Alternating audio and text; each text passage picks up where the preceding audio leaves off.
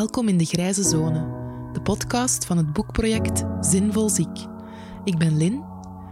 Ik ben een jonge dertiger. Ik ben een mama. Ik ben chronisch ziek. Ik ben ongelooflijk nieuwsgierig. En daarom ben ik op zoek naar manieren om ziek en zinvol weer dichter bij elkaar te brengen. Ik ben op zoek naar het speelveld tussen zwart, zielig ziek in een hoekje, en wit, zo gezegd ongelooflijk zinvol tegen 200 per uur meehollen in de redrace. Ik zoek de grijze zone. En om alle vragen die ik heb te beantwoorden, ga ik in dialoog met heel uiteenlopende stemmen uit ons sociaal weefsel. Wie precies? Daarvoor moet je hier maar regelmatig eens komen luisteren. Dat ga ik nog niet verklappen. Heel veel luisterplezier. Welkom in de Grijze Zone, Morgan Giele. Uh, ik heb jou uitgenodigd omdat ik nieuwsgierig ben naar uh, de dynamiek of, of, de grijze zone tussen, tussen um, uh, hoe ziek en hoe gezond onze kijk op lichamen is. Hè. Onze, onze, onze schoonheidsidealen, onze, ja, de manier waarop wij uh, mensen beoordelen op basis van hoe ze eruit zien. En met jouw project No Babes um, ja, heb je mijn aandacht heel erg hard getrokken. En denk ik dat je wel iemand bent die daar zeker iets over te vertellen heeft. Dus misschien om te beginnen een korte introductie van jezelf. Wie is Morgan? Yes. Um, ik ben Morgan Gieden. Ik ben op dit moment 26. Ik ben een mode- en lifestyle fotograaf. Dus ik werk voor eigenlijk ja, de boekjes, maar ook fashion brands. Dus ik kom uit de modesector voornamelijk, waar die schoonheidsidealen heel aanwezig zijn. Um, en daarnaast ben ik ook twee jaar geleden ongeveer een fotoproject gestart, genaamd No Babes. Dat is mijn eerste fotoboek. En ik had zoiets van, fuck it, ik start nu op in hoofdberoep en ik wil gewoon direct in de wereld zetten waar ik voor sta als fotograaf. En het komt er basically op neer dat ik een beetje een haat-liefde relatie had met de modewereld waarin ik me bevind. Um, enerzijds omdat ik gewoon zie hoe eetstoornissen daar in de ja, in de wieg worden gelegd. En wie ik daar zelf onder leid, maar ook de teamleden rondom mij. En ik vind het gewoon absurd dat wij enkel een bepaald type persoon tonen. In plaats van dat we als we op straat rondlopen, dat je iedereen ziet, maar niet op je scherm. En dat is iets dat mij echt wel stoorde. Dus ik wil eigenlijk tonen van, je kunt diversiteit combineren met modefotografie. En No Babes is voornamelijk een project dat eigenlijk moeilijk bespreekbare thema's naar voren haalt maar wel met die insteek van mijn fashionfotografie qua beeldvorming. Um, dus ik fotografeer mensen die chronisch ziek zijn, mensen die mentale of fysieke andersheden hebben, mensen die op een of andere manier buiten de maatschappelijke normen vallen op dit moment. Dus dat is wel boeiend, want het is eigenlijk een super groot onderwerp. En ik zeg geen nee tegen geen enkel verhaal en dat maakt het zo leuk.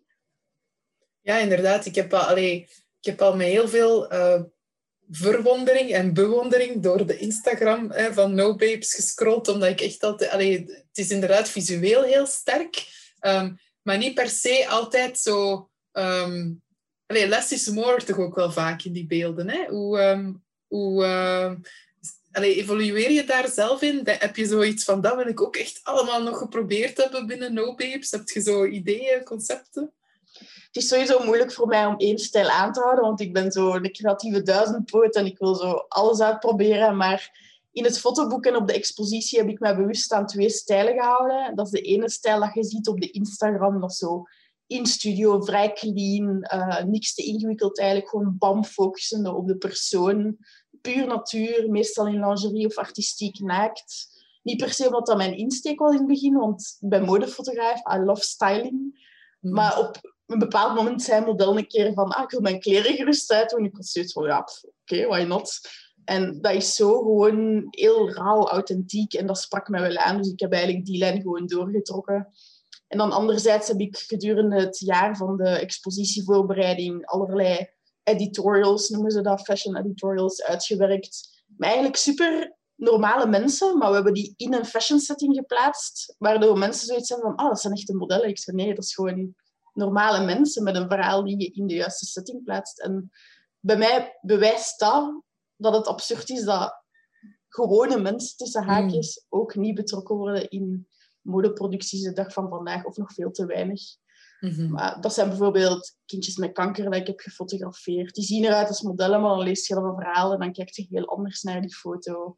We hebben genderfluide mensen naar voren gebracht die ook nog heel jong zijn. Die vertellen van ja, sinds ik vijf jaar oud ben, wist ik dat ik een meisje was bijvoorbeeld. Terwijl die gevangen zat in een jongenslichaam. Allee, het zijn echt wel heel boeiende thematieken. En ik wist daar zelf totaal nog niet veel van tot ik met no-babes begon. Ik was zo een witte vrouw in mijn bubbel. en ik heb zoveel geleerd over dat jaar heen. En dat wil ik gewoon delen met, met de mensen die komen kijken. Ja, je zei daar juist, hè, onder andere mensen die, die chronische ziekten hebben. Dat is natuurlijk hè, heel hard in lijn met waar, waar Zinvol Ziek om draait. En waar ook in de grijze zone deze podcast eigenlijk al heel veel op gefocust heeft. Het gaat heel veel over gezondheid. Um, dus ik ben wel nieuwsgierig. Is er een verhaal dat er uitsteekt um, tot nu toe van mensen die je hebt gefotografeerd waar het over chronische ziekte gaat en waar je van denkt van, amai, dat ga ik van mijn leven niet vergeten? Er is eigenlijk geen verhaal dat ik niet vergeet. Um, gewoon om even een overlapping met u te maken. Ik heb onlangs ook echt zo na het hele project eigenlijk gedaan was bijna, ter voorbereiding van de expo mijn vriend gefotografeerd die ook de ziekte van Bergerac heeft. Dus dat vond ik wel een leuke link en dat deed me ook denken aan u. Maar ook Laura van der Vorst, waarmee jij gaat spreken in het panelgesprek op de expositie van de OBFZ, heeft ook al heel veel shit meegemaakt. Van verkrachting tot labels die op haar worden geplakt, tot mensen die haar niet geloofden, tot eetstoornissen kweken. En allee, het gaat echt super diep soms, maar ehm, mensen vragen mij dan ook soms van, pak je dat niet mee naar huis, in je bed, kunnen dat van je afzetten? Dan heb ik zoiets van, eigenlijk wel. Vreemd genoeg, want ik ben hoogsensitief. Maar ik denk zo aan de goal dat we allemaal samen aan het bereiken zijn. En dat is meer begrip vragen van de mensen die daar nog niet mee bezig zijn. Basically gewoon de maatschappij opentrekken en laten beseffen van dit is niet hoe het verder kan voor mensen die in die positie zitten.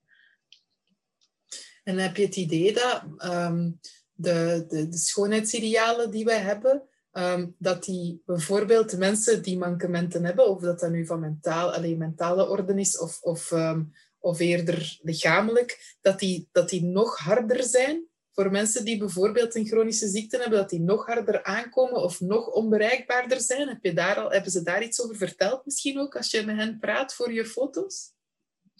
Dus de vraag is of zij dat zelf ervaren of ze... Ja, dat het nog moeilijk, alleen dat het nog confronterender is en misschien zelfs nog moeilijker um, te bereiken of, of, of, dat men, of dat er nog harder um, ja, stigma's worden gegeven aan mensen die uh, nog een grotere afstand hebben tot die idealen. Hè? Heb, heb, je dat gevoel gehad? Ja, dat gevoel heb ik nog wel. Ik denk dat er nog wel veel werk aan de winkel is op dat vlak.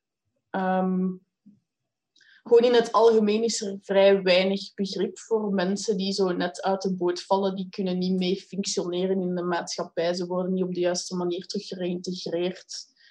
Um, ze krijgen gewoon niet de kans dat een normale, gezonde mens dan wel zou krijgen.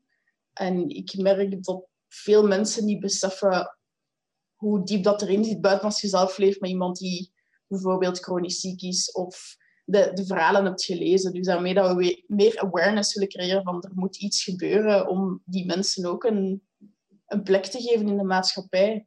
En dat dat oké is, dat dat niet op dezelfde manier is als de mensen nu moeten functioneren. Maar ik vind dat er veel mis is met de, met de huidige, maatschappij. Gewoon als je al kijkt naar de rol van de heel cliché man-vrouw, dat wij als vrouw moeten meedraaien in een maatschappij die gefocust is op een mannencyclus, op een mannenritme, terwijl wij een heel andere cyclus hebben doorheen de maand. Um, maar dan zijn er dingen zoals de pil uitgevonden om ons te doen meedraaien in de huidige cyclus van de man. Oké, het heeft ook zijn voordelen, hè? no pregnancies en zo, maar het doet wel veel met je lichaam en dat is eigenlijk ook gewoon om ons te doen laten meedraaien. Dus ik kan, kan daar denk ik uren over babbelen, maar het is voor mij op heel veel aspecten dat dat zich doortrekt, dat er gewoon nog dingen moeten veranderen of zo. Ja, en als je, als je, ehm, ja, als je daar zelf nu gewoon heel vrij over mag spreken, hoe ziek of gezond is de gemiddelde blik op ons lichaam, denk je zelf? Ik vind sowieso dat er een probleem is in de zin, dat, dat ondervind ik bij mezelf ook, dat ons volledig wordt afgeleerd om naar ons lichaam te luisteren. vanaf geboorte af aan. Dat is gewoon iets dat we niet doen. En als ik dan cursussen volg over dat wel te doen, dan wordt het daarop bestempeld als ah, je hippie, je bent spiritueel, whatever. Maar dat is wel nee, dat is gewoon de basis. Je lichaam stuurt constant signalen uit. En wij leren daar gewoon niet naar luisteren. En hoe langer we, dat, hoe langer we dat negeren, hoe groter symptomen kunnen worden. En ik merk dat ook bij mezelf. Ik heb al een heel zware depressie gehad. Ik heb al een burn-out gehad op 18-jarige leeftijd. Ik heb chronische darm- en maagproblemen. En ja, ik zag het op een bepaald moment ook niet meer zitten. En ik dacht ook van, ik moet hiermee aan de slag. Ik wil weten why the fuck ik op deze planeet rondloop en waarom bepaalde dingen mij zijn overkomen. En dan ben ik tot die misschien tussen haakjes meer holistische aanpak gekomen. Maar dat geeft mij heel, heel veel antwoord op mijn vragen en heel veel ja, zelfvertrouwen. Nu weet ik al meer wat dat ik hier dien te doen en dat ik ook in connectie moet komen met mijn lichaam en daar naar moet leren luisteren. Dat zijn een van de kleine dingen dat ik wel essentieel vind in deze samenleving, dat we misschien wel meer zouden moeten doen. Gewoon basic, simpel luisteren naar je eigen lichaam en dat ook aangeleerd krijgen op school, whatever. Dat dat gewoon deel wordt van leven. Ja, lijkt mij inderdaad belangrijk hè, dat mensen leren. Want ik merk zelf ook als, als ondertussen uh, iemand die dan eh, geopereerd is via de buik aan haar rug en twee keer een keizersnede door die rugoperatie. Hè. Bijvoorbeeld, mijn lichaam is heel veel veranderd. Um, en ik kan heel heel gemeen zijn als ik voor een spiegel sta. En ik kan dat beseffen en denken, waarom doe jij dat? Hè? Uw lichaam heeft, u, heeft al zoveel gedaan voor u en heeft al zoveel gedaan voor anderen en heeft al zoveel doorstaan en is er nog steeds. En, en, en hè, zorgt ervoor dat je elke dag um, ja, kunt beleven en dat je, dat, je, dat je kunt rondlopen, dat je er zijt. Dus waarom zijn we daar zo ongelooflijk hard voor? Heb jij daar zelf een, een, een theorie waar, waarom dat mensen dat, daar toch moeilijk aan kunnen ontsnappen om zo gemeen, gemene dingen te denken als ze zichzelf in de spiegel zien?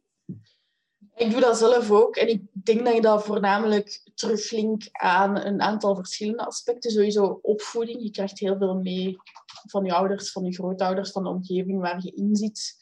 Maar ook de media heeft daar een heel grote rol in. Wij worden enorm gebrainwashed door multibiljonair bedrijven die shakes en dieetpillen willen verkopen en ons dan het gevoel geven van we zijn te lelijk of te dik, maar hé, hey, hier is de oplossing. Alleen de media heeft een heel grote rol en ik ben blij dat er eindelijk een klein verschil begint te komen op vlak van uh, meer diversiteit en verschillende lichamen tonen. Want het gaat zelfs heel ver. Hè? Gewoon mensen met een andere culturele achtergrond. In België, tot een paar jaar geleden, zagen die amper rolmodellen op tv. Dat waren allemaal witte, slanke, mooie mensen. En dat is gewoon problematisch, want als je op straat loopt, is dat helemaal niet zo. Dus hmm. dat is raar dat ze alleen zo één bepaald persoon op op beeld tonen eigenlijk. En... Maar, maar ik ben wel, ik moet zeggen, als ik zo in modecampagnes en zo, als ik dan bijvoorbeeld zie van, ah, nu hebben ze hè, bijvoorbeeld iemand met vitiglio, hè, zo die, die huid, dat huidsprobleem, dat je zo van die vlekken in je huid hebt. Mm. Um, ze hebben daar nu iemand voor gekozen, maar dat is um, visueel, dat is nog altijd esthetisch gezien een supermooie vrouw met de perfecte maten. En, maar dan...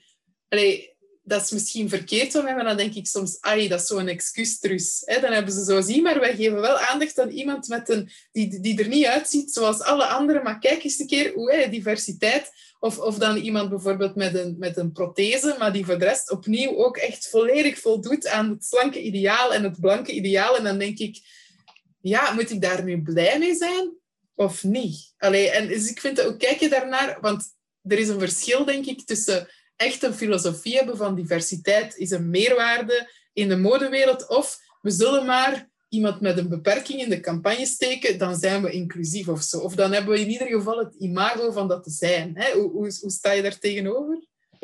Ik ben volledig akkoord. Je hebt de bedrijven die het echt menen en doen voor de juiste redenen. En dan zijn er ook heel veel die het nu gewoon doen omdat het een trend is. Ik snap mensen die zeggen van dat is fucked up, maar anderzijds heb ik zoiets van oké, ook al doen ze het voor het geld, ze tonen al meer diversiteit. En dat zorgt ervoor dat het ook over de jaren heen genormaliseerd gaat worden, wat hun denkreden daarachter ook is. ik vind het eigenlijk gewoon al goed dat, dus ondanks de denkreden erachter, dat ze iemand tonen met vitiligo, iemand met een prothese. En dat we. Maar ja, als je dan nadenkt over hoe die misschien denken, ja, dat is, dat is echt niet oké. Maar anderzijds, het is al beter dan dat ze alleen witte, slanke, mooie mensen tonen. Zo probeer ik er dan naar te kijken. Mhm. Ja, en als je nu zelf... Allee, um, ja, als je nu zelf zou kunnen zwaaien met een toverstok hè, in heel de modewereld, hoe, hoe mhm. zou die er voor, voor jou mogen uitzien? Ik zou het sowieso wel fijn vinden als de modellen niet meer als een stuk vlees behandeld worden. In de zin van, je bent inwisselbaar en als je een centimeter te dik of te klein bent, fuck off, dan mocht je niet meer meedoen. Um, ik vind dat daar al sowieso wel een switch in mag komen, dat de hoogte minder toedoet. Dat ze op catwalks meer rekening houden met echte lichamen. Want dat is letterlijk gebaseerd op een paspop. Mm. Allee, je kunt daar heel ver in teruggaan, maar daarvan is die trend ook gekomen van Kate Moss, die periode in de jaren 90, dat iedereen zo slank moest zijn. Dat is omdat het design is gemaakt op een paspop en dan moesten ze mensen zoeken die daarin pasten. Dus ik zou het gewoon al leuk vinden, moesten we mode creëren voor iedereen. Want zelfs in België, nu op dit moment, is het nog altijd heel moeilijk voor mijn plus-size vrienden en vriendinnen om iets te vinden. Ook al komt dat wel iets meer op de markt. Maar dan heb je zo de heel magere mensen. Wat, die hebben ook representatie nodig. Hè? Maar dan heb je ook de plus-size die meer op gang komt. Maar dan heb je die 90% van mensen die ertussen zitten, die eigenlijk nog altijd, naar mijn mening, geen platform hebben. De mensen met gewoon maatje 38 of 40 ik heb uh, een vriendin van mij, die, die is professioneel model en die moet letterlijk voor opdrachten ofwel um, zo van die kussens aandoen, dat ze er curvier uitziet om in de plus size te passen, of ze moet afvallen om in de normale categorie te passen. Er is gewoon nog geen categorie in de modewereld voor alle mensen die ertussen vallen. En dat is iets dat ik denk dat echt moet veranderen. En ook op vlak van culturele achtergronden, dat we alles tonen. Alle, alle kleuren, maten en vormen. Um, en nu komt dat misschien zo wat geforceerd over in reeksen op, zeg maar iets, Netflix of zo. Ah ja, en ze hebben er een Aziatisch persoon in gezet en een, en een persoon van kleur en een wit persoon en een mollige persoon. En dan hebben ze het allemaal mooi afgecheckt. En dat voelt nu vrij fucked up, maar je hebt zoiets van, hoe meer ze het nu volhouden, hoe normaler het wordt binnen een paar jaar. Dus ik vind dat eigenlijk niet slecht, ook al is het misschien niet op de ideale manier gedaan. Maar... Hmm. En... Um zie jij een link tussen um, de impact van, van, van schoonheidsidealen op bijvoorbeeld onze mentale gezondheid? Zie je een verband? Heb je daar al met mensen gesproken dat, het, dat ze er echt uh, door, ja, door getroffen worden, dat ze er ziek van worden letterlijk? Oh ja, ik denk dat de grootste thematiek dat ik al heb gehad in het algemeen in mijn shoot of mensen die mijn verhalen doorstuurden, dat, was, dat zijn eetstoornissen. Gewoon puur opgewekt door zeg maar iets, moeders die een kind op dieet zetten vanaf driejarige leeftijd, omdat ze niet binnen dat plaatje passen. Of door te werken als model bijvoorbeeld. Of model te willen zijn en dan een eetstoornis kweken omdat ze niet goed genoeg of mooi genoeg zijn. Dus ja, dat is wel echt een heel groot probleem. Ik merk dat ook bij mezelf. Ik, ik ben zo hard, als dat jij zegt tegen mij in de spiegel nog elke dag, dat ik, dat ik mezelf te dik vind, dat ik vind dat ik nog moet vermageren, terwijl ik zoiets heb van hoe fucked is dat dat jij met zo'n project bezig bent en jezelf nog altijd niet kunt aanvaarden? Maar daar, dat is een van de redenen dat ik ook gestart ben met het project. Een, een zoektocht naar eigen zelfacceptatie. En die uitwisseling tussen mij en de modellen is wel mooi, want zij bestempelen het als iets therapeutisch of, of iets dat hun helpt op hun pad naar oh, Morgan, dank u dat ik eindelijk eens met mijn verhaal naar buiten mag komen. En je hebt mij geholpen in, in een stapje verder te zetten in mijn, in mijn zoektocht. Maar dan heb ik zoiets van, gewoon door jezelf te zijn en zoveel de lens te staan met al je prachtige imperfecties, zoals wij het noemen in deze maatschappij, helpt jij mij ook. Hmm. Dus ik heb wel al stappen gezet naar mezelf misschien iets minder haten, om het hard te zeggen. Ja, dat ik met no bezig ben. Dus, dus um, het, het creëert een soort mildheid, mag ik het zo noemen? Dat je, dat je milder wordt voor jezelf door de confrontatie met, met die verhalen en al die andere lichamen? Ja, klopt. Het is grappig dat je dat woord gebruikt, want als ik één ding heb gehoord, al heel mijn leven lang is het, Morgan, moet mild zijn voor jezelf. Moet zacht zijn voor jezelf. En ik zeg, ja, maar hoe doe je dat? Like, wat is dat zacht zijn voor jezelf? Maar nu leer ik het ook te zien van wat dat zij doen voor zichzelf en hoe zij in het leven staan. Dus dat is wel fijn, die uitwisseling. Ja, en ben je op, um, op zo die, uh, die, die zelfontwikkeling, die persoonlijke, ja, persoonlijke groei, om het dan zo te zeggen, ben je daar ook al op, op het concept zelfcompassie gebotst? Toevallig? Um, ja, maar het blijft iets waar ik het moeilijk mee heb.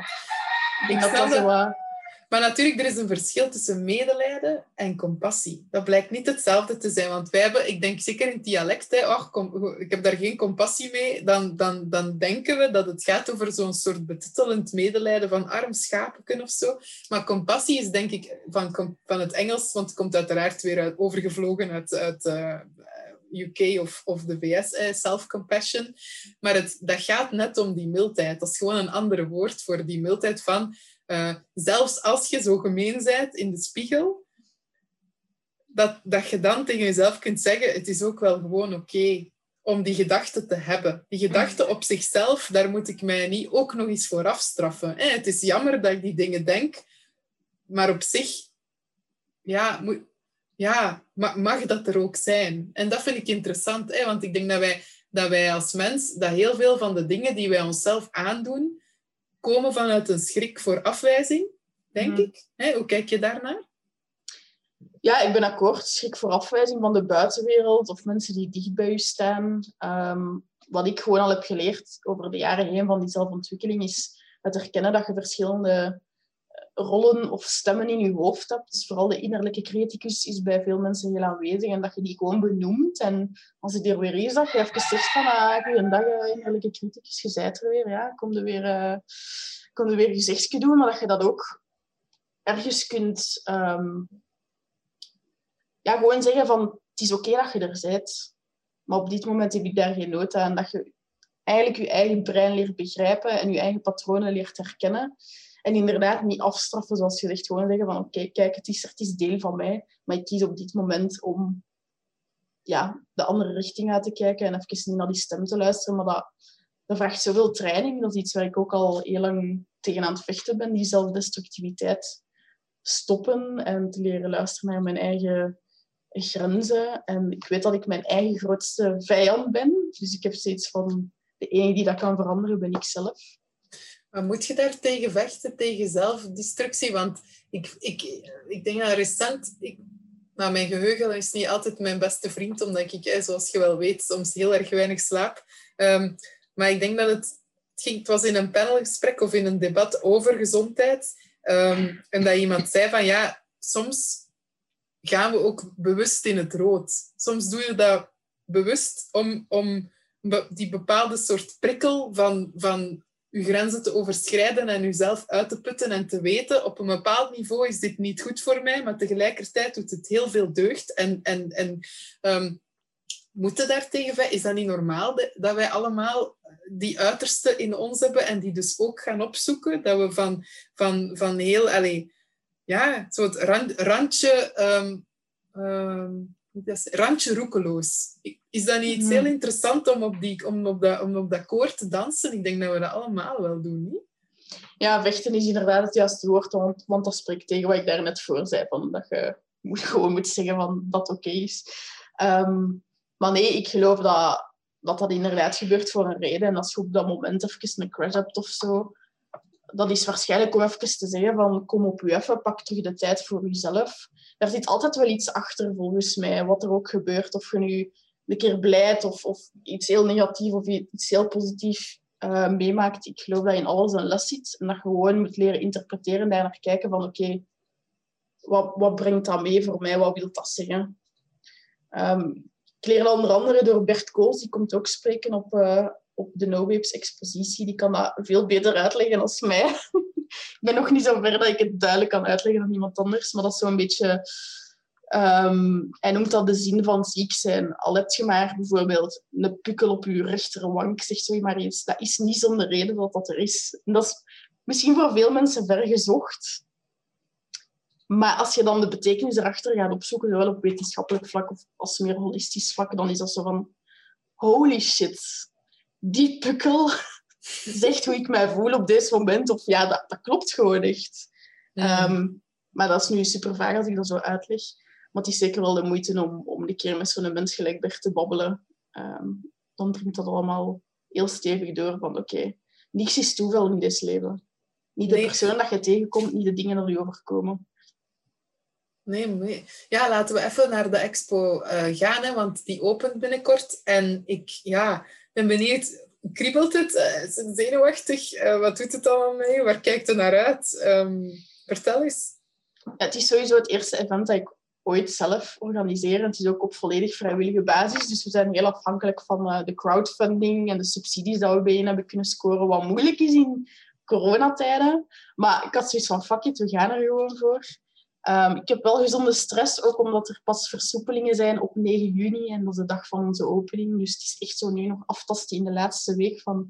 Ja, maar wat mogen we eigenlijk doen voor de opening? En tijdens de expo, wat mag niet? Dus dat is altijd zo... Ja, afwachten. We hebben een plan en we hopen dat we het plan volledig kunnen uitvoeren zoals we het in ons hoofd hebben. Maar uh, de expo zelf, daar kijk ik wel super hard naar uit. Want we hebben het opgedeeld in vier themaweken. Um, we hebben dan aan elke themaweek eigenlijk sprekers en experten uitgenodigd om uh, een babbeltje te komen doen over thema's die nog vrij taboe zijn of moeilijk bespreekbaar in deze maatschappij. Uh, zo hebben we de Invisible Pain Week, waar dat jij in komt uh, spreken samen met Laura van der Vorst rond chronisch ziek zijn. En dan hebben we ook nog ons Bertje die langskomt rond de zin van ziek zijn. En dan hebben we ook nog andere themaweken, Perfect Imperfections. En dan uh, komen Romy Schlimbach en Marijne spreken rond fatshaming. En hoe het is om als dikke vrouw te functioneren in een maatschappij waar het schoonheidsideaal nog altijd maatjes 36 is. En er zijn nog veel dingen. Gender en seksualiteit komen aan bod voor mensen die uh, nog niet goede begrippen non-binair en transgender kennen. Wat betekenen die voornaamwoorden eigenlijk? Echt zo'n basisworkshop was super boeiend. En ik ga, ik ga zelf ook gaan zien, want ik heb zoiets van uh, je moet iedereen op deze planeet respecteren, of dan nu een hij, zij, die, hun is. Um, ja, ik wil beter kunnen plaatsen van hoe die mensen zich voelen en hoe je daar dan mee moet omgaan, dat je die juist kunt aanspreken. Want ook al vinden veel mensen daar raar, ik vind dat maar een, een basisgegeven dat je iedereen het respect geeft dat ze, dat ze ja, gewoon verdienen. En als dat met een ander voornaamwoord is, is dat zo. Ja, ik haal dat nu even aan, omdat ik al veel mensen hebben gehad van, oh, die non-binaire mensen, ik snap dat niet. Ik zeg, ja, maar heb je er ooit al mee gesproken? Dat is ook een beetje het doel van de expo, van mensen in contact te laten komen met doelgroepen waar ze normaal nooit mee in contact zouden komen. Want veel mensen hebben ook schrik voor dingen dat ze niet kennen, voor het mhm. onbekende. Ik denk dat jij dat misschien ook wel kunt beamen als chronisch ziek persoon, dat mensen heel veel voordelen hebben en dat je gewoon dan zegt van babbelt een keer met mij en dan, en dan ziet je het misschien een keer uit mijn standpunt of dan kunnen we daar iets over discussiëren, weet je. Ja, ja, vooroordelen zijn inderdaad um, alomtegenwoordig, maar ik denk ook dat het een illusie is om te, om te verwachten dat we ooit oordeelvrij gaan zijn. Hè? Omdat we, ik denk in ons brein, wij oordelen constant mm bij alles. En dat gaat niet zozeer over personen, maar dat gaat echt letterlijk over keuzes maken. Zet ik mijn voet daar of zet ik mijn voet daar, is ook een mhm. oordeel. Hè? Welke, welke richting ga ik stappen? Je, je, je beoordeelt de situatie de hele tijd. Dus ik denk dat het ook daar... Um, want ik merk dat nu zelf, hè, onbegrip bijvoorbeeld, is een heel, uh, is een heel uh, hot topic als het gaat over langdurige ziekte of uh, onzichtbare pijn, hè, dan, dan, dan is dat iets wat heel veel mensen fascineert van, of kwetst of raakt. Van mensen hebben geen begrip voor mij. Of mensen um, veroordelen mij omdat, puntje, puntje, puntje. Um, maar dan denk ik, ja, er moet ook een zekere opnieuw mildheid bestaan, denk ik, voor mensen die inderdaad nog geen kans gehad hebben om hun oordeel um, ja, te confronteren, letterlijk, met de persoon waar ze het oordeel over hebben. Of, of, want sommige dingen zijn echt wel uit onwetendheid. Daar ben ik zo van overtuigd mhm. dat een heel groot deel van wat wij onbegripvol vinden, eigenlijk pure onwetendheid is. En dat de enige manier om dat te doorbreken net die openheid is en die kwetsbaarheid. Daarom ben ik heel blij inderdaad dat jij panelgesprekken gaat organiseren en dingen. Ik kijk er heel hard naar uit ook. Um, want het is kwetsbaar. Hè? Ik denk dat iedereen dat kan beamen. Ik kan me voorstellen dat in de veilige omgeving van uw fotostudio, dat het toch nog altijd ongelooflijk kwetsbaar moet geweest zijn voor alle mensen die je tot nu toe hebt gefotografeerd, om hun hart op tafel te leggen en te zeggen van dit is, dit, hier zit mijn pijn in. Hè? En, en, want dat vraag ik me wel af, was dat niet ongelooflijk emotioneel ook voor u, om, om zo'n verhaal te horen en dan die persoon ehm, ja, in, in, zijn, in zijn geheel, om het zo te zeggen, dan in beeld te vangen, is dat niet, was dat niet ook echt... Ja, heeft dat je niet heel hard gepakt op heel veel momenten? Ik kan me dat zo voorstellen. Sowieso. Ik heb een heel groot rechtvaardigheidsgevoel in mij. En als ik dan zo'n verhalen hoor van dingen dat er mensen zijn overkomen of het onbegrip, dan, dan word ik gewoon kwaad van binnen. Dan heb ik zoiets van nog meer reden om dit te doen. Want ik doe dit project eigenlijk ook om, om niet mezelf, maar ook echt andere mensen te helpen. En gewoon ja, een, een chillere maatschappij te creëren. Um, ook al is het maar voor één of twee personen dat we doen nadenken van hmm, oké, nu kijk je daar toch anders naar, dan is het toen voor mij geslaagd. Maar het is inderdaad een bepaalde setting dat je creëert. Die mensen komen binnen en je babbelt daar eerst een half uur mee. Want ik zeg ook altijd van, ik wil echt weten wat dat jij op dit moment voelt. Want ik wil dat kunnen overbrengen op beeld. En ik werk eigenlijk vrij intuïtief. Um, ik ga met mijn hoogsensitiviteit op dat vlak op een goede manier aan de slag. Ik voel wel aan van in welke vibe ze zitten. En dat probeer ik dan gewoon ook over te brengen op beeld. Ik probeer echt een, een omgeving te creëren waar mensen op hun gemak zijn. Uh, door ook alles heel duidelijk uit te leggen, ook hun echt mee te betrekken in het proces, door de foto's te tonen, hun medefoto's te laten selecteren. Um, gewoon dat ze het volledige proces kunnen doorvolgen. En ik denk dat dat wel belangrijk is voor mensen die dan zo heel hard uit hun comfortzone getrokken worden op dat moment. En hoe, um, ik vind dat wel interessant. Ik, ik, ik kan alleen dicht bij mezelf blijven, maar ik merk dat als je zo gefotografeerd wordt en je gaat dan door die selectie, dat de eerste blik die je zo werpt op een foto van jezelf, dat dat vergelijkbaar is met als je zo bijvoorbeeld naakt voor de spiegel staat. Het mhm. eerste waar, dat, waar je blik naartoe gaat, zijn die zones waar je niet tevreden mee bent. Dus ik vraag me dan af, als mensen, allez, dat is ook bij mij zo, maar als mensen dan hoe ga je daar als fotograaf mee om? Want jij ziet natuurlijk, jij kijkt daar anders naar en jij ziet dat totaalbeeld. Jij focust niet op die ene imperfectie waar misschien de persoon naast je wel op focust. Dus moet je dan mensen overtuigen van dit is echt een mooi beeld? Of um, ja, zit daar ook... Ik ben gewoon nieuwsgierig wat, of, of je een beetje dingen kunt delen dat je daarin al hebt meegemaakt. Dat mensen, of, of is de reactie tot nu toe van de eerste keer van wauw. Of, of is het toch voor mensen moeilijk om, om dat te zien dan van zichzelf? Ik dacht in het begin ook van, ah, mensen gaan echt moeilijk doen als ik zeg van, ik wil die foto publiceren, dat ze gaan zeggen, eh, nee, uh, die een vetrol of, of dat vind ik niet schoon. Maar ik denk dat mensen al op voorhand een soort van klik hebben gemaakt als die mij een bericht sturen, dat die ook wel gewoon bereid zijn van, kijk, dit ben ik en ik ben bereid om mezelf te tonen puur zoals ik ben.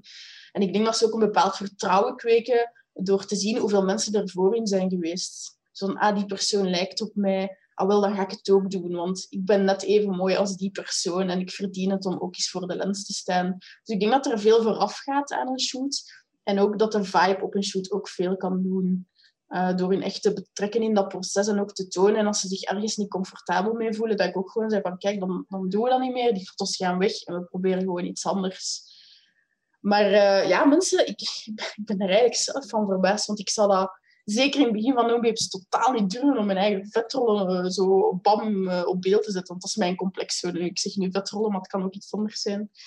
Um, maar veel mensen zijn bereid om hun lichaam te tonen en hun verhaal te delen. En ik heb echt zoiets van, damn, dan is het precies echt wel iets dat nodig is op dit moment.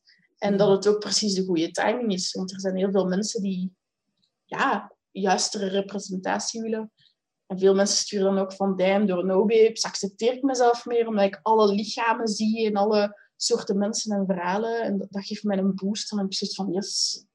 Ja, ik hoorde, ik hoorde in een andere podcast, podcast sorry, jou vertellen dat er eigenlijk um, heel erg weinig gemene commentaar wordt gezet onder die beelden. En dat de paar trollen, zoals je ze dan noemt, die daar toch komen zetten van ah, wat een vette, lelijke... Dat, dat je dat ook gewoon laat staan, omdat mensen daaronder beginnen te reageren van hallo, alleen bedoel, van waar de noodzaak om dit te doen? Dus dat je ook niet gaat censureren daarin, vond ik eigenlijk heel mooi en heel bijzonder. Um, omdat we toch wel die, die cultuur hebben van oei, er wordt iets negatief gezet, laten we snel die reactie wegdoen. Mm want, terwijl nu, allee, want dat, dat, dat, vind ik wel treffend en ook echt ergens heel opgevend om te horen dat dat niet veel voorkomt. Dat de mensen die reageren, dat dat heel vaak vanuit een soort Want is, zijn er reacties die je bijblijven? Zijn er, zijn er reacties waarvan je denkt van, dat, ga ik, allee, dat, dat is echt gewoon eh, wat iemand daar al heeft ondergezet, bijvoorbeeld? Ah, het, is, het is echt zot hoe weinig negativiteit. Ik vind dat nu nog altijd zot, want ik had dat niet verwacht. Is op sociale media, het is openbaar, mensen gaan kritiek hebben. En als er kritiek komt, is meer van mensen op Facebook. Uh, op Instagram is dat bijna nihil. Ik denk dat daar toen een keer op is gekomen van een of andere persoon dat ik zelfs niet kende. Van, ah, what a fat cow op een van mijn modellen. En dat is wel iets dat mij is bijgebleven. Maar ja, er zijn zoveel mensen die daar dan op hebben gereageerd van, is dat nu echt nodig? Maar ik vind het ook wel belangrijk om dat te laten staan, zodat de reactie kan opkomen en dat we dan ook die persoon misschien gewoon van gedacht kunnen veranderen van, is dit nu echt nodig om zo'n reactie te geven? Um, en het is ook gewoon de realiteit. Ik wil gewoon de reality tonen en hoe oppervlakkig deze maatschappij soms nog is. Als we er dan samen allemaal op kunnen springen, op een respectvolle manier, van zou je daar niet misschien eens anders naar willen kijken, bijvoorbeeld, dat we die uitnodigen om dat anders te bekijken, dat dat wel goed is. Ehm, maar ja, ik heb er altijd heel veel stress voor. Want als mijn, mijn babytjes dat allemaal aanvallen en als er dan negativiteit op komt, dan ben ik zo... Ah, ik kan er echt een nacht van wakker liggen. Maar ik heb tot nu toe maar twee of drie nachten moeten laten. Dus ik kan echt niet klagen op dat vlak. Ik vind het ook echt absurd eigenlijk. Maar dat is en neemt je, neemt je dat dan uh, heel diep persoonlijk? Als iemand, als die, allez, is dat dan de fotograaf die geraakt wordt? Of is dat op een dieper niveau Morgan die geraakt wordt? Als iemand eh, daar dan toch negatief over is? In eerste instantie is mijn reflex om, om mijn model te beschermen. Van, allez, die persoon die, die heeft er zitten wenen in mijn studio van emotie, van, van het verhaal te delen. Dan krijg je daar zoiets op. Dat is zo die, die rechtvaardigheid dat heel hard boven komt, dat rechtvaardigheidsgevoel. Um, het is niet per se mij als fotograaf of foto meer het gevoel van ik wil die mensen echt beschermen en helpen, omdat ze zo als een kwetsbaar persoon bij mij zijn geweest en dat er dan dat gebeurt. Dus ik denk dat meer uit die intentie is, dat dan komt mijn gevoel, denk ik. Ja, want ja, eh, fotografie is wel, hoe moet ik dat zeggen, is voor u toch wel al van jong in uw leven eigenlijk heel bepalend misschien zelfs geweest hè, voor wie je vandaag bent. Allee, ik hoe, want hoe, anders zou je leven zijn als je nooit, nooit de camera had ontdekt, bijvoorbeeld? Kunt je dat nog voorstellen zelfs? Ik, ik ben sowieso altijd in de kunst bezig geweest. Dus dan was ik waarschijnlijk richting... Uh, ja, wat zou ik geweest zijn? Ik was heel erg met muziek bezig. Ik wou naar het Lemons Instituut gaan ik deed zang, toneel, piano, viool. Dus misschien had ik nu in een theatergezelschap of een acting dream te volgen of zo. Maar ja, fotografie is dan op mijn pad gekomen en uh, heeft het allemaal een beetje overwoekerd. Dus dan ben ik daar volledig voor gegaan. Op mijn 16 al direct begonnen met modellen te fotograferen en een Facebook businesspagina te maken. Want als er één ding typerend is aan mij, is dat ik echt zo'n uh, lichte workaholic ben en heel ambitieus sinds heel jonge leeftijd. Wat goed en slecht is, want het is niet goed omdat ik me altijd, allez, dat ik altijd een nood heb gehad met te bewijzen aan de buitenwereld en aan mezelf. Anderzijds is het gewoon uit pure passie en omdat ik het zo graag doe. Maar ik moet die balans wat in houden, want ik ben ook bijvoorbeeld gecrashed op mijn 18e, wat belachelijk jong is. Hmm. Ehm, dus dat is, dat is gewoon dat mild zijn voor mezelf, dat ik in evenwicht moet houden tot op de dag van vandaag. Ja, ik denk dat dat, dat bevestiging, um, dat dat toch een van de, de minst besproken drugs uh, is misschien. Hè? Dingen waar dat, hè, want we hebben het, we hebben het eh, verslavingen en zo, daar zit misschien ook niet meer zoveel taboe op. Maar natuurlijk, dit is iets dat komt echt vanuit jezelf. Hè? Een verlangen om gezien te worden en om, om, om de blik die op je lichaam wordt gericht, dat die dan ook dat dat een blik is van aanvaarding. Van jij moogt er hier zijn, jij zijt goed genoeg. Dat is denk ik een diep menselijk verlangen hè, om, er te, om er te mogen zijn, zoals je zijt. Alleen, um, ja, moeten dat dan denk ik eerst van jezelf mogen. Hè? Er mogen zijn zoals je zijt. Dus ik denk inderdaad dat dat compenseren van oei, ik moet dit allemaal doen, zodat uh, de mensen mij gaan graag zien, letterlijk. Um, ja, dat is iets heel fascinerend. En ik, ik, ik denk niet dat, dat, dat je dat ooit helemaal kunt uitschakelen of zo. Ik denk dat, je tot op, allee, dat iedereen tot op een bepaald niveau wel altijd in een meer pleaser-rol misschien zal zitten, gewoon om uit angst om er niet te mogen zijn, denk Mhm. ik.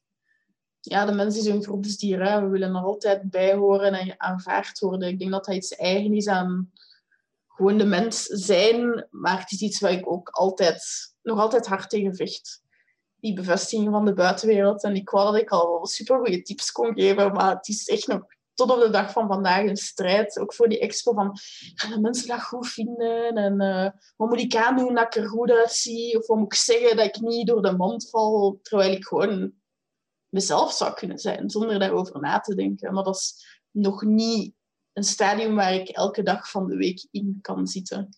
En ik En denk door, dat... de mand, door de mand vallen bedoel je dan zo imposter syndroom? ja, heb je daar last van? hard. Ja, ja, echt. Echt? Ja, aha. Hoe uitziet dat? Ik ben super nieuwsgierig. Ehm, gewoon als ik zo workshops of lezingen moet geven of podcasts, dat ik zoiets heb van... Oh nee, ik ga een amateur overkomen. Of eh, wat dat ik zeg eh, klopt misschien niet met iets dat ik daarvoor heb gezegd of anders heb verwoord. Of uh, allee, zo echt zo'n een, faalangst. Zo van, of ik doe er niet genoeg toe om in deze podcast te verschijnen. Dat is, dat is altijd zo'n stemmetje dat ik voor moet afzetten van oké, Morgan, stop daar gewoon mee. Maar ik ben daar ook heel transparant over, want allee, ik vind dat maar normaal als oprichter van OWeb dat ik gewoon ook alle shit zeg waar ik zelf mee in mijn kop zit. Ja, Um, dat is heel mooi. Dat is echt heel mooi. Ja. Maar ja, dat is, dat iets vrij diep, maar kan alleen maar zeggen dat ik ermee bezig ben. Ik doe heel bewust aan, aan therapie en zelfontwikkeling al sinds 18-jarige leeftijd. Ik vind dat heel belangrijk en ik moedig ook altijd andere mensen aan om dat ook te doen. Want als er iets is in deze leven dat ik wil hebben bereikt, is zo wel zo het toppunt van zelfontwikkeling of zo. Um, in de zin van dat ik volledig 100% oké ben met mezelf. En dat ik emotioneel gewoon ook volwassen ben. Terwijl ik dat op dit moment nog misschien niet ben zoals ik dat wil zijn. Of is dat super vaag wat ik zeg? Nee, maar is dat een realistisch streefdoel? 100% in trainen met jezelf? Ja, 100% is misschien weer wat overdreven, maar dat ik op pad ben in de goede richting. Hmm. Ja, ik denk sowieso dat allee, als, ik, als, ik dat, als ik jou hoor vertellen, ook over eh, het pad dat je al hebt afgelegd en hoe je die inzichten meeneemt in je werk eigenlijk. Want ik neem aan dat, dat iets als No Babes ook maar kan ontstaan vanuit ook een, een soort ja, intern verlangen van... Allee, zoals je zei, hè, van die, door, door in contact te komen met die, door die verhalen te horen van al die andere mensen, doet dat ook telkens iets met mij. Um, Hmm. Ja, want hoe... Allee, kan je, kan je dan nog eventjes vertellen, hoe is dat... Wanneer heb je beslist, dit ga ik doen? En, no, no Babes, van waar ook de naam? Wanneer is dat ontsproten in uw, in uw, in uw systeem zo? Wel, echt een naam en zo is ontstaan toen ik bij Max United zat in Kortrijk. Dat is een soort van marketing, creatief bureau. En die doen zo van die brainstorm sessies. En ik kende die al vrij goed op dat moment. En ik had zoiets van, ik moet werken aan mijn pitch. En ik weet niet hoe, hoe ik moet verwoorden waar ik voor sta als fotograaf. Zo van, ik hou niet van de perfecte modellen in beeld brengen, maar ik kon daar niet zoveel meer over zeggen in woorden. Ik kan zo beter in beelden tonen wat ik bedoel dan in woorden. En dan waren ze van, ja, maar gaan jij fotografeert gewoon graag de, de no-babes. De, niet de babes, maar de no-babes. En dan had ik zo van, ja, dat is wel catchy. Dat, dat zegt wel iets, dat resoneert wel bij mij.